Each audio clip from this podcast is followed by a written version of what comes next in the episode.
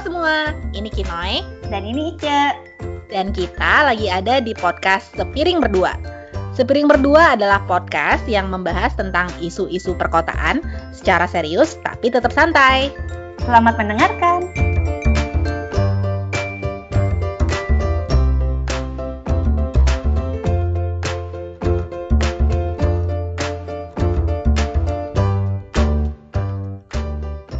Hari bersuara, hari ke-11 tentang di persimpangan bersama Ice lagi.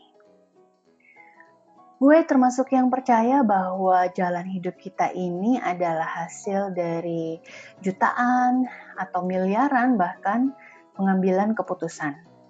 Terkadang kita berada di persimpangan antara iya dan tidak, antara ke kiri atau ke kanan, antara si kamu atau si dia. Kota juga sama, guys. Perjalanan kota itu adalah hasil dari banyak pengambilan keputusan.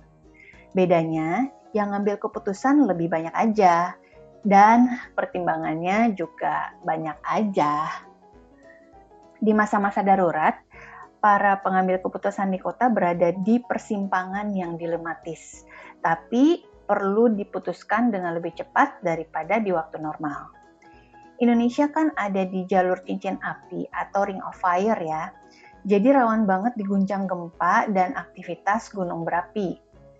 Selain itu, ada juga ancaman-ancaman lainnya yang terkait dengan air dan iklim, misalnya cuaca ekstrim yang mengakibatkan kekeringan, kota yang makin padat penduduknya, terus bangunnya asal-asalan, dan nggak disiapkan untuk beradaptasi dengan ancaman-ancaman tadi, tentunya punya risiko tinggi terkena dampak bencana. Nah, contohnya gimana sih pengambilan keputusan pas di masa darurat? Banyak sih contohnya, tapi misalnya apakah saat ini udah aman belum ya untuk mengevakuasi warga keluar gedung?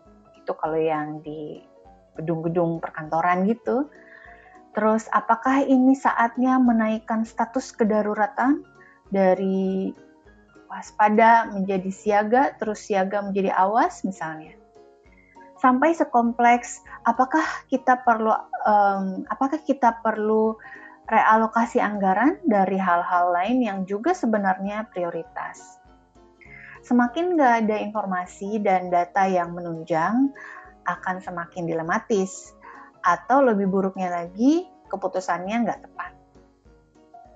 Makanya sebenarnya di setiap kota itu seharusnya ada yang namanya rencana kontingensi yang dibuat bareng-bareng seluruh dinas dan instansi, bahkan kelompok masyarakat yang isinya itu memuat um, sumber daya apa aja, termasuk sumber daya manusia, terus logistik dan lain-lain yang kita punya yang bisa dipakai uh, di masa darurat. Lalu turunan rencana tersebut ada yang namanya SOP atau uh, protap, prosedur tetap, yang adalah kesepakatan siapa melakukan apa ketika terjadi apa dalam kondisi darurat. Aktivasi rencana kontingensi dan protap ini sebaiknya dilatihkan atau disimulasikan supaya pihak-pihak yang terkait itu kebayang di masa darurat apa yang harus dia lakukan terus harus koordinasi sama siapa aja dengan serba cepat. Dengan pemahaman tentang rencana kontingensi dan protap yang dilatihkan secara berkala, jalan-jalan di persimpangan semakin terang mana yang harus dipilih, jadi nggak terlalu dilematis lagi. Karena orang-orang bakal bisa lebih cepat mengambil keputusan di masa darurat dengan keputusan yang tepat.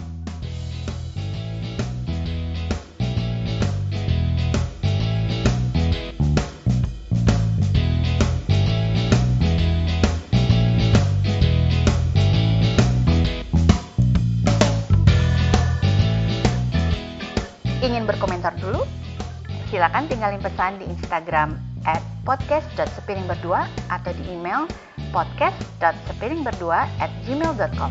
Sampai jumpa!